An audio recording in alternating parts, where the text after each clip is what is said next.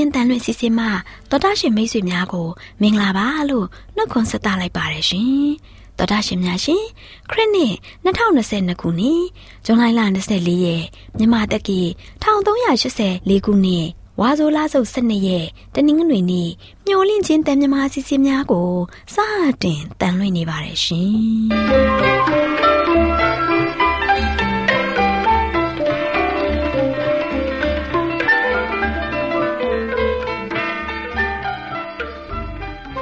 တော်တာရှင်များခင်ဗျာမျောလင့်ချင်းအတန်မြန်မာအစီအစဉ်ကိုနက်နက်6နာရီမိနစ်30မှ9နာရီထိစကြောင်မီတာ kHz တစ်ခွန်ခွန်23ညညပိုင်း9နာရီမှ9နာရီမိနစ်30အထိ25မီတာ kHz 11943ညမှအတန်လွှင့်ပေးနေပါတယ်ခင်ဗျာဒီကနေ့တနင်္ဂနွေနေ့မှာထုတ်လွှင့်ပေးမယ့်အစီအစဉ်တွေကတရားဒေသနာဟောကြားခြင်းအစီအစဉ်ကျမ်းမာပျော်ရွှင်လူပေါင်းတွင်အစီအစဉ်စံပြအိမ်အောင်ရေးအစီအစဉ်တို့ဖြစ်ပါတယ်ရှင်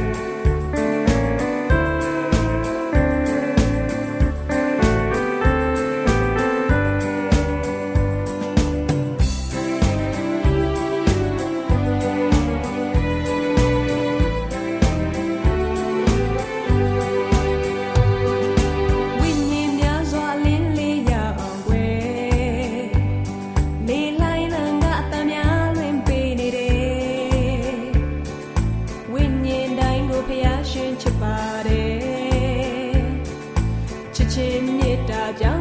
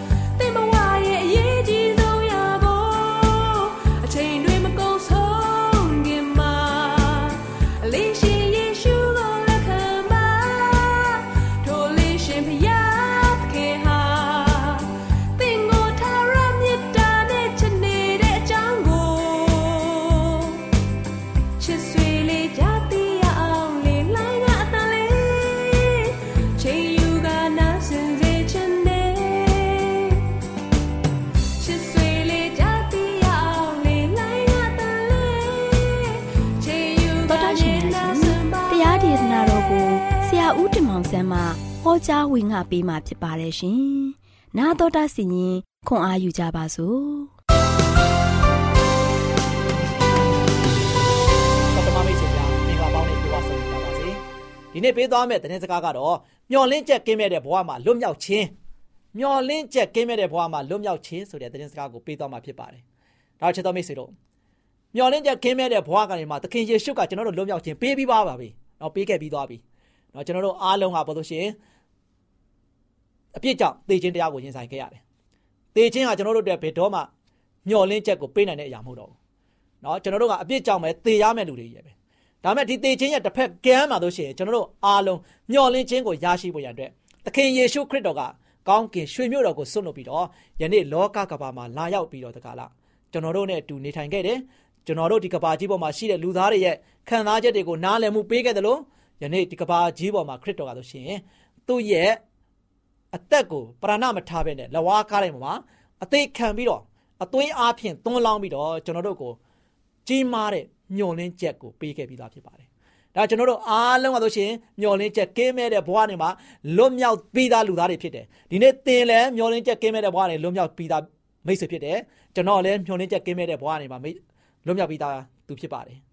ဒါကြောင့်မျောလင်းချက်ကင်းမဲ့တဲ့ဘဝနေမှာလွတ်မြောက်တဲ့သားသမီးတွေဖြစ်နေတဲ့အတွက်ကြောင့်ကျွန်တော်တို့ဘလောက်ဝမ်းသာစရာကောင်းတယ်။ဘလောက်ဝမ်းမြောက်ဖို့ကောင်းတယ်။ဒါကျွန်တော်တို့ရဲ့အသက်တာမှာဆိုရှင်စိုးယုံခြင်းတုံလုံးခြင်းခြောက်ခြားခြင်းတွေ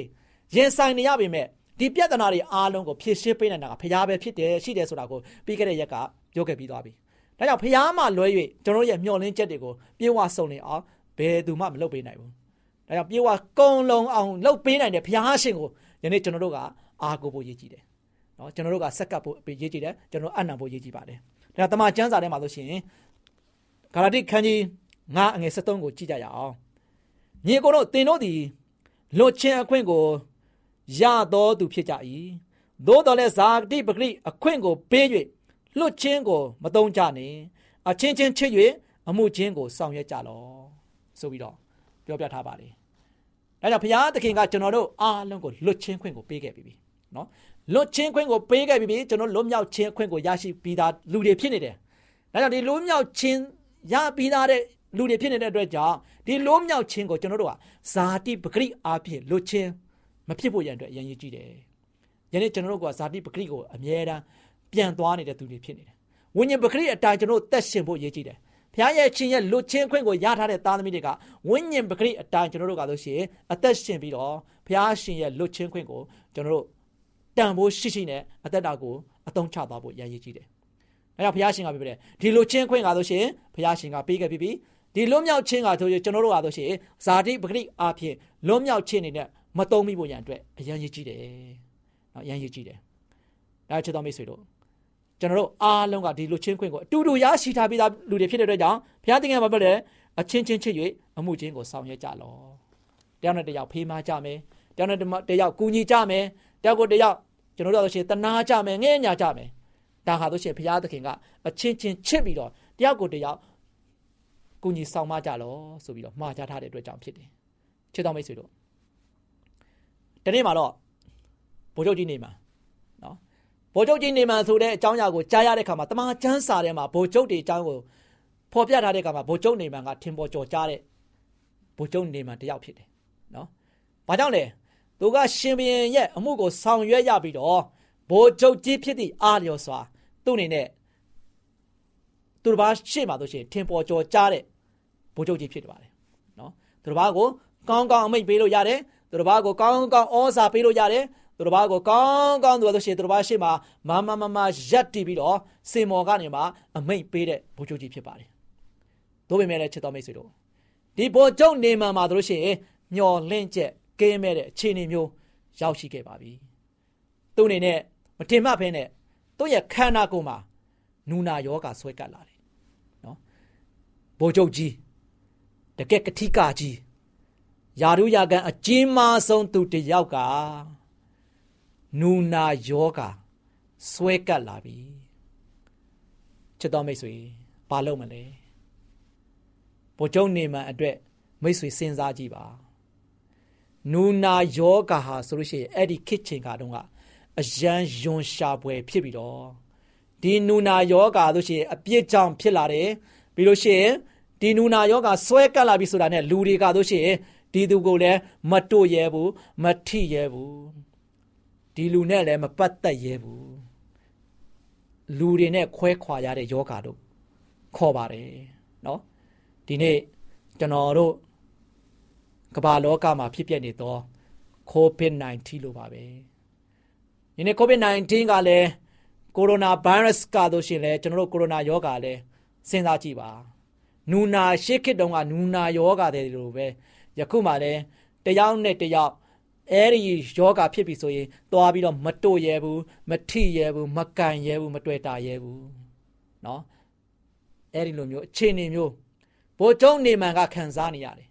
าะ ဒုက္ခနာကိုမှာလို့ရှိရင်နူနာယောဂါဆွဲကပ်လာတဲ့ခါမှာဘိုးကျုံနေမှန်ကတစ်ချိန်တုန်းကမိန်ကွန်းပြောတယ်တစ်ချိန်တုန်းကစစ်သားတွေကိုအမိတ်ပေးတယ်ယခုချိန်ကမှစစ်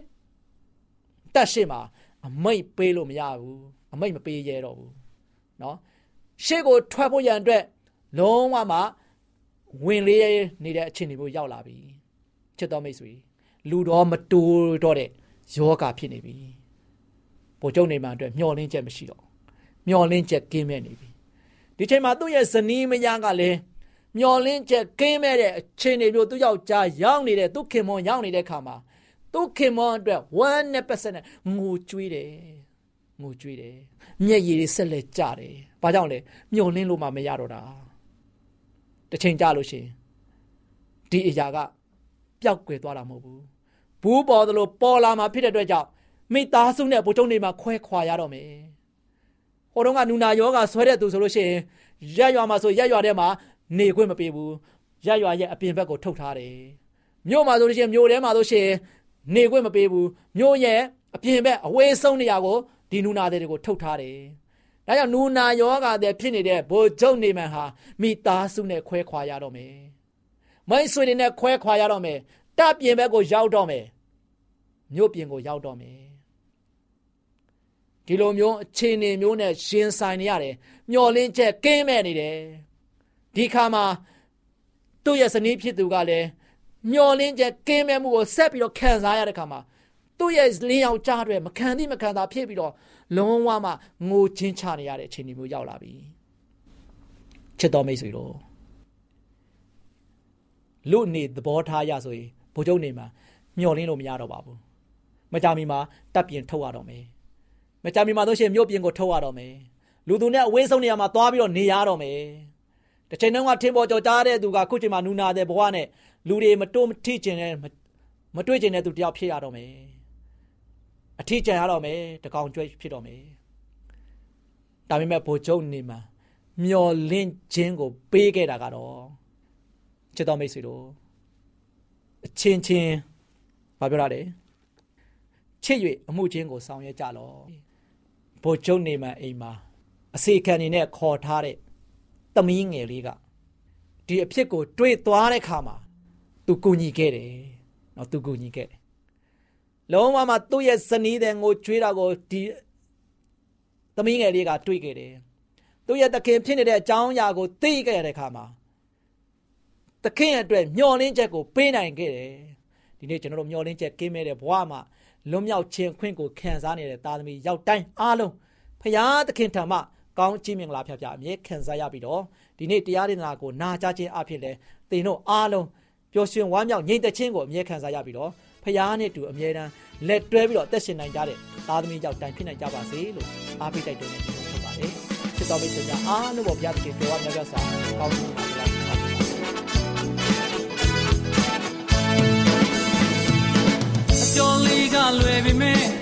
လက်တွေတော့တကယ်ခက်ခဲဘိုးတော်အတွက်ဆက်ကပ်ဖို့ရန်သိရှိသူတွေလေးလုံးနဲ့ကားတော်နဲ့ဝိစွန်းနဲ့လမ်းမှာခွဲအသေးချာတော့ရွေးလိုက်ဖို့လို့နေရှမတွင်နဲ့ဒီကဘာတဲ့ကိုထက်တော့ကာနေမယ်စာရန်ရဲ့လက်ွက်ထဲမှာတတိရှိနေမယ်နှုတ်ကပရဲ့ကြံစားတော်နဲ့လမ်းပြမှုမရှိရင်မလွယ် ဘို့လို့လဲဆုံးလို့ဘို့လို့နေအသွေးသားနဲ့လူပါပဲအာနဲ့ချက်ကိုစီနဲ့လူတကာရဲ့စတွေ့ခွက်ထဲမှာမမျောမိစေနဲ့ကိုတကဖျားရှင်နဲ့မြဲတွဲလက်တော့မဖြုတ်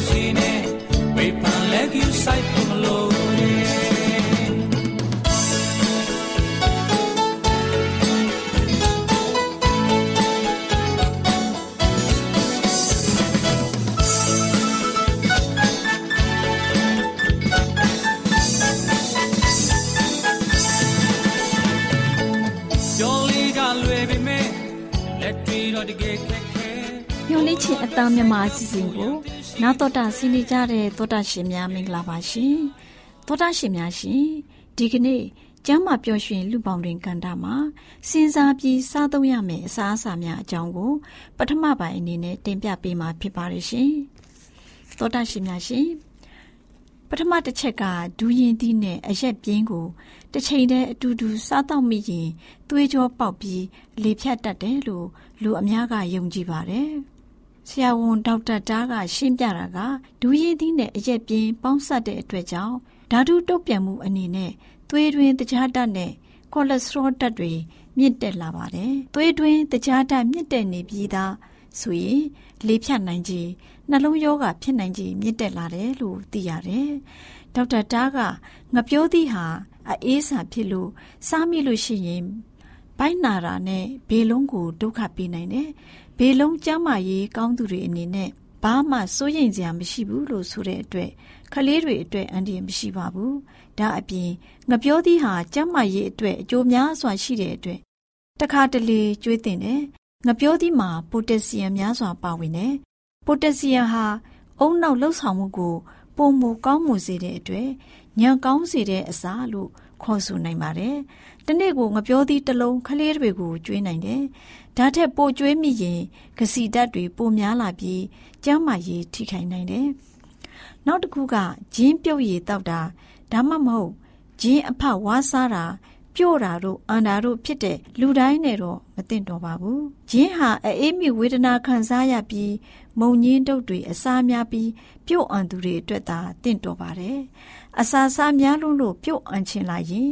ဂျင်းစားတာမသက်သာပါဘူး။ဂျင်းဟာအစာအိမ်အက်ဆစ်တွေကိုပုံမထုတ်လုပ်နိုင်အောင်လှုပ်ဆောင်နိုင်တဲ့အတွက်ဝေဒနာကိုပိုဆိုးနိုင်တယ်။ကြက်ဥနဲ့ငုံဥကို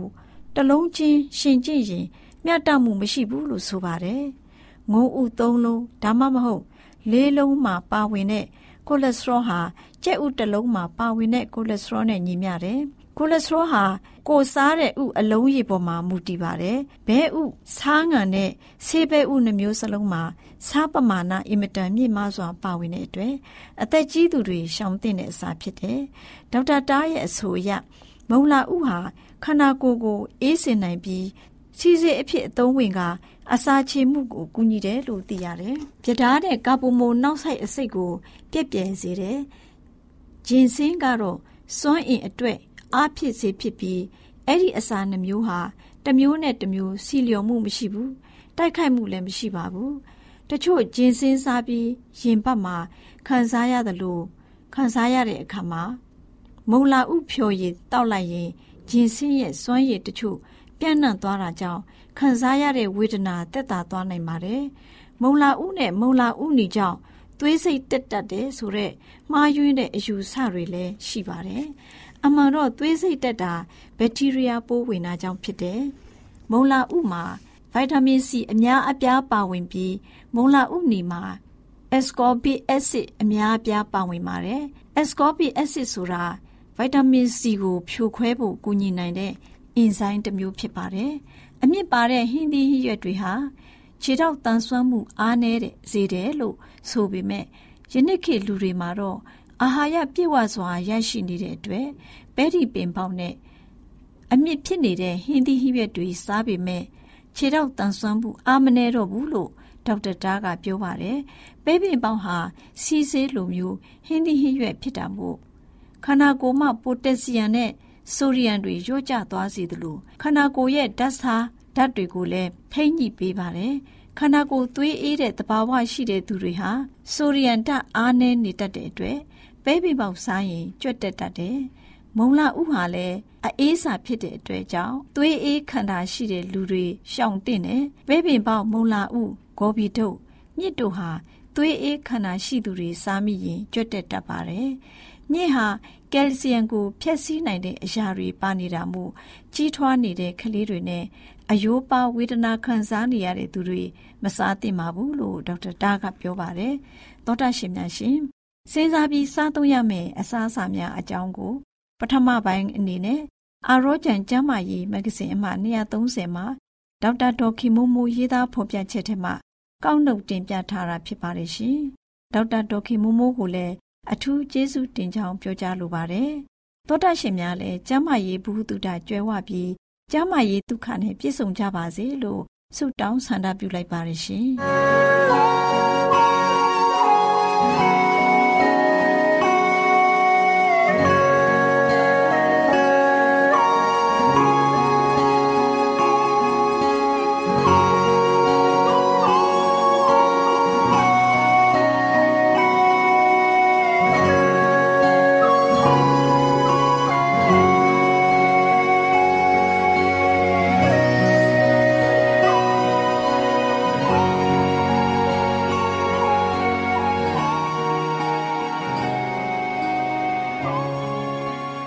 ရှင်များအားလုံးမင်္ဂလာပါရှင်။ခုချိန်မှာစံပြအိမ်အောင်ဆိုတဲ့စာအုပ်ထဲကမိသားစုစီမံကိန်းဆိုတဲ့အကြောင်းအရာနဲ့ပတ်သက်ပြီးတင်ဆက်ပေးချင်ပါတယ်ရှင်။တော်တာရှင်များရှင်မိခင်သားသမီးနဲ့လူအဖွဲ့အစည်းတို့အားစိတ်ဆင်းရဲစေနိုင်တဲ့အမှားအကြောင်းပြောပြချင်ပါတယ်။သားသမီးများမွေးဖွားခြင်းဟာတရားမျှတမှုဖြစ်သည်မဖြစ်သည်ကိုစဉ်းစားဆင်ခြင်မှုမရှိဘဲကြည့်ရှုပြုစုခြင်းခံရရန်၎င်းတုံသင်ဆုံးမခြင်းခံရရန်၎င်းမိဘများအပေါ်တွင်လုံးဝအားကိုးအားထားပြုနေတဲ့ မဆာမဲ့ကလေးတင်ငယ်မြောက်များစွာမွေးဖွားထားကြတဲ့မိဘများလည်းရှိကြပါတယ်။ဒီလိုပြုလုပ်ခြင်းဟာမိခင်ဖြစ်သူကိုသာမကသူ့ရဲ့သားသမီးများနဲ့လူအဖွဲ့အစည်းကိုပါပြုတဲ့မှားယွင်းမှုတစ်ရပ်ဖြစ်တယ်။မိဘများအနေဖြင့်သူတို့သားသမီးတို့ရဲ့အနာဂတ်ကောင်းစားရေးကိုအမြဲတမ်းနှလုံးသားမှာပိုက်ထားသင့်ပါတယ်။ဘဝအသက်တာရဲ့လိုအပ်မှုများကိုဖြစ်တင်ပေးနိုင်ဖို့အတွက်တနေကုန်တနေကန်ပင်မကြီးစွာလောက်ကင်ဆောင်ရွက်ရတဲ့အခြေအနေမျိုးကိုမရောက်ရှိသင့်ပါဘူး။ အိမ်အောင်သားဥယေတိုးပွားအောင်မပြုမီသူတို့ရဲ့သားသမီးများမွေးဖွားခြင်းဟာဖျားသခင်ရဲ့ဂုဏ်တော်ကိုချီးမွမ်းရာရောက်သည်မရောက်သည်ကိုစဉ်းစားဆင်ခြင်တင်ကြပါတယ်။အိမ်အောင်ပြုပြီးတဲ့ပထမဦးဆုံးနှစ်မှစပြီးအိမ်အောင်သက်တစ်လျှောက်လုံးမှာသူတို့ရဲ့အကျင့်လင်းများဘဝဟာဖျားသခင်ရဲ့ဂုဏ်တော်ကိုချီးမွမ်းစီမဲ့ဘဝမျိုးဖြစ်စေရန်ကြိုးပမ်းတင်ကြပါတယ်။မိခင်ရဲ့ကျမ်းမာရေးရလည်းအရေးကြီးပါတယ်။မိဘများအပေါ်မှာကြီးလေးတဲ့တာဝန်ရှိမှုကြောင့်အိမ်တော်မှာသားသမီးများမွေးဖွားခြင်းဟာ အကောင်းဆုံးဖြစ်သည်မဖြစ်သည်ကိုတေချာစွာစဉ်းစားဆင်ခြင်သင့်ပါတယ်။သူမရဲ့သားသမီးများကိုကြည့်ရှုပြုစုရန်မိခင်မှာလုံလောက်တဲ့အင်အားရှိသလား။ဖခင်နေဖြင့်သားသမီးများအားမှန်ကန်စွာ ပုံသွင်းပေးခြင်းနဲ့ပညာသင်ပေးခြင်းများဖြစ်တဲ့အကျိုးကျေးဇူးတွေကိုဆောင်ရွက်ပေးစွမ်းနိုင်သလား။ကလေးရဲ့ကံကြမ္မာကိုကြိုတင်စဉ်းစားဆင်ခြင်မှုဟာနှဲပါလာပါတယ်။ကိလေသာတက်မဲ့ခြင်းကိုသာအာသာဖြေဖို့အတွက်နှလုံးသွင်းထားကြတဲ့အတွက်မိခင်နဲ့ဇနီးဖြစ်သူရဲ့ ခန္ဓာအင်အားကိုဆုပ်ယုပ်စေပြီးသူမရဲ့ဝိညာဏအင်အားကိုထုံထိုင်းစေတဲ့ဝန်ထုတ်ကြီးကိုသူမအပေါ်သို့ရောက်စေပါတယ်။ချွတ်တဲ့တဲ့ကျဲမာရင်းနဲ့စိတ်အားငင်နေရတဲ့အချိန်မှာသူမကြည့်ရှုပြုစုခြင်းမပြုနိုင်တဲ့တိုးစုကလေးတွေဟာသူမအားဝန်းရံထားကြတာကိုသူမတွေ့မြင်နေရတယ်။သူတို့ရတင်ရထိုက်တဲ့တွင်တင်ဆုံးမမှုကိုမရရှိတဲ့အတွက်ဒီကလေးငယ်တွေဟာဖျားသခင်ရဲ့ဂုဏ်တော်ကိုချီးမွမ်းရမှန်းမသိပဲကြီးပြင်းလာပြီးသူတို့ကိုယ်တိုင်တဘာဝရဲ့ဆိုးရုပ်ညဉ့်ညမ်းမှုတွေကိုသူတစ်ပါးကို လက်ဆင့်ကမ်းခြင်းဖြင့်စာရန်စိတ်ကြိုက်ချဲ့လဲနိုင်တဲ့တက်စုတစုပေါ်ပေါက်လာတတ်ပါတယ်။ကလေးသူငယ်တိုင်းဟာတင်းလျော်စွာပညာများစီးပူးလေသူတို့အားကလေးသူငယ်အတိုင်းအဝိုင်းမှာခေါင်းဝင်ဆန့်နိုင်ဖို့တုံတင်ဆုံးမတဲ့အခါမိခင်ရဲ့ခွန်အားနဲ့အချိန်ရရှိစေဖို့မိဘများတို့ဟာစင်ကျင်တုံတရားရှိတဲ့ပုံကိုများအနေဖြင့်လောက်ကင်ဆောင်ရွက်စီရန်ဖျားသခင်အလိုရှိတော်မူပါတယ်။သူမရဲ့သားသမီးတို့ဟာအိမ်အောင်တဲ့လူအဖွဲ့အစည်းအတွက်မင်္ဂလာတရက်ဖြစ်စေဖို့မိခင်ဟာ သူနဲ့ဆိုင်တဲ့ကဏ္ဍကိုစိတ်ထားမြင့်မြတ်စွာဆောင်ရွက်ဖို့ဖျားသခင်ကိုချစ်ကြောက်ယူတည်တဲ့စိတ်တော်နဲ့သူမရဲ့လုပ်ငန်းကိုဆောင်ရွက်ရန်သူမမှာသူရတတိရှိရမယ်။ဇနီးဖြစ်ပြီးသားသမီးများရဲ့မိခင်ဖြစ်တဲ့သူဟာအချီးနှီးအလုပ်များနေမယ်ဆိုရင်စိတ်အားငယ်နေရတဲ့အခြေမျိုးနဲ့ရင်ဆိုင်စေဖို့မရှိစေဖို့ခင်မွန်းကလည်းစဉ်းစားဖြစ်တင်ပါတယ်။ရောက်များလာတဲ့ရင်သွေးငယ်တွေဟာတင့်လျော်တဲ့တင် जा ပြသမှုကိုမခံရဘဲကြီးပြင်းလာစေခြင်းအပြင်သူတို့အတွက်တရားမျှတတဲ့တာဝန်ကို မထမ်းဆောင်နိုင်တဲ့အခြေအနေမျိုးမှာသူ့သားသမီးငယ်တို့ရဲ့မိခင်ဟာရက်တီမနေစေဖို့အိမ်နောက်ဦးစီးဖြစ်သူဟာကြည့်ရှုစီမံရမယ်။မိဘတို့ဟာသူတို့အနေဖြင့်ကောင်းမွန်စွာကြည့်ရှုပြုစုပြီးပညာသင်ပေးနိုင်တဲ့ဥယျာဉ်ထက်ပိုပြီးသားသမီးများကိုမမွေးတင်ကြပါဘူး။နှစ်တိုင်းမိခင်ရဲ့ရင်ခွင်မှာမွေးဖွားစသူငယ်ကိုပိုက်ပွေနေရခြင်းဟာသူမအားပြုတဲ့မဟာမတရားမှုတစ်ရပ်ဖြစ်ပါတယ်။ဒီလိုအဆက်မပြတ်သားသမီးများမွေးဖွားရခြင်းဟာ လူမှုရေးဆိုင်ရာပျော်ရွှင်မှုကိုနှဲပါစေပြီးအများအားဖြင့်ဒီပျော်ရွှင်မှုကိုဖျက်ဆီးပြီးအိမ်နှွေးမှုဆိုင်ရာစိတ်ဒုက္ခကိုပုံမများပြားစေကြပါတယ်။သားသမီးဥယျာဉ်များပြခြင်းဟာမိဘများကသူတို့ရဲ့တာဝန်အနေဖြင့်သားသမီးတို့အားပေးကမ်းအပ်တဲ့ထိမ့်သိမ်းကြည့်ရှုပြုစုခြင်းပညာသင်ကြားပေးခြင်းနဲ့ပျော်ရွှင်မှုဆိုတဲ့ခံစား권တွေရရှိခြင်းကိုလက်လွတ်စေတတ်ပါတယ်။နားဆင်ကြကြတဲ့သောတာရှင်များအားလုံးပေါ်ဖဖျားရှင်ကောင်းချီးပေးပါစီရှင်။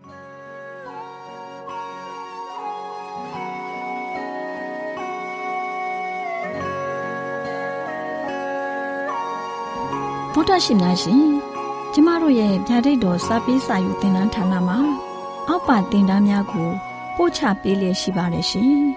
တင်ဒားများမှာဆိဒ္ဓတုခရှာဖွေခြင်းခရစ်တော်၏အသက်တာနှင့်တုန်တင်ချက်များတဘာဝတရားဤဆရာဝန်ရှိပါကျမ်းမာခြင်းနှင့်အသက်ရှိခြင်းသင်နှင့်သင်ကျမ်းမာရေးရှာဖွေတွေ့ရှိခြင်းလမ်းညွန်သင်ခန်းစာများဖြစ်ပါရဲ့ရှင်တင်ဒားအလုံးဟာ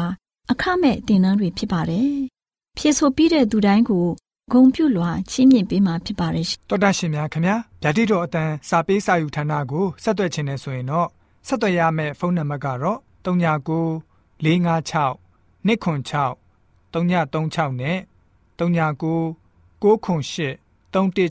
694ကိုဆက်သွင်းနိုင်ပါတယ်။ဓာတိတော်အတန်းစာပေးစာဥထာဏာကိုအီးမေးလ်နဲ့ဆက်သွယ်ခြင်းနဲ့ဆိုရင်တော့ l a l r a w n g b a w l a @gmail.com ကိုဆက်သွင်းနိုင်ပါတယ်။ဓာတိတော်အတန်းစာပေးစာဥထာဏာကို Facebook နဲ့ဆက်သွယ်ခြင်းနဲ့ဆိုရင်တော့ S O E S A N D A R Facebook အကောင့်မှာဆက်သွင်းနိုင်ပါတယ်။ AWR မျော်လင့်ခြင်းအတန်ကိုအားပေးနေတယ်တော်တာရှင်များရှင်မျော်လင့်ခြင်းအတန်မှာအကြောင်းအရာတွေကိုပုံမသိရှိပြီးဖုန်းနဲ့ဆက်သွယ်လိုပါက39 2939 3926ခွန်45နောက်ထပ်ဖုန်းတစ်လုံးအနေနဲ့39 688 464 48ခွန်ကိုဆက်သွယ်နိုင်ပါတယ်ရှင် AWR မျော်လင့်ခြင်းအတန်ကို Facebook နဲ့ဆက်သွယ်ခြင်းနဲ့ဆိုရင်တော့ AWR ရန်ကုန် Facebook Page မှာဆက်သွယ်နိုင်ပါတယ်ခင်ဗျာအင်တာနက်ကနေ မျော်လင့်ခြင်းအတန်ရေဒီယိုအစီအစဉ်တွေကိုနားထောင်ခြင်းနဲ့ဆိုရင်တော့ website လိပ်စာကတော့ www.awr.org ဖြစ်ပါတယ်ခင်ဗျာတော်တာရှင်များရှင် KSTA အာကခွန်ကျွန်းမှာ AWR မျိုးလင့်ချင်းအတံမြန်မာအစီအစဉ်များကိုအတံလွှင့်ခဲ့ခြင်းဖြစ်ပါတယ်ရှင် AWR မျိုးလင့်ချင်းအတံကိုနာတော်တာဆင် gay ကြတော့တော်တာရှင်အရောက်တိုင်းပေါ်မှာဖျားသခင်ရဲ့ကြွယ်ဝစွာသောကောင်းကြီးမင်္ဂလာတက်ရောက်ပါစေ။ ကိုစိတ်နှဖျားစမ်းမွှေလန်းကြပါစေကျေးဇူးတင်ပါတယ်ခင်ဗျာ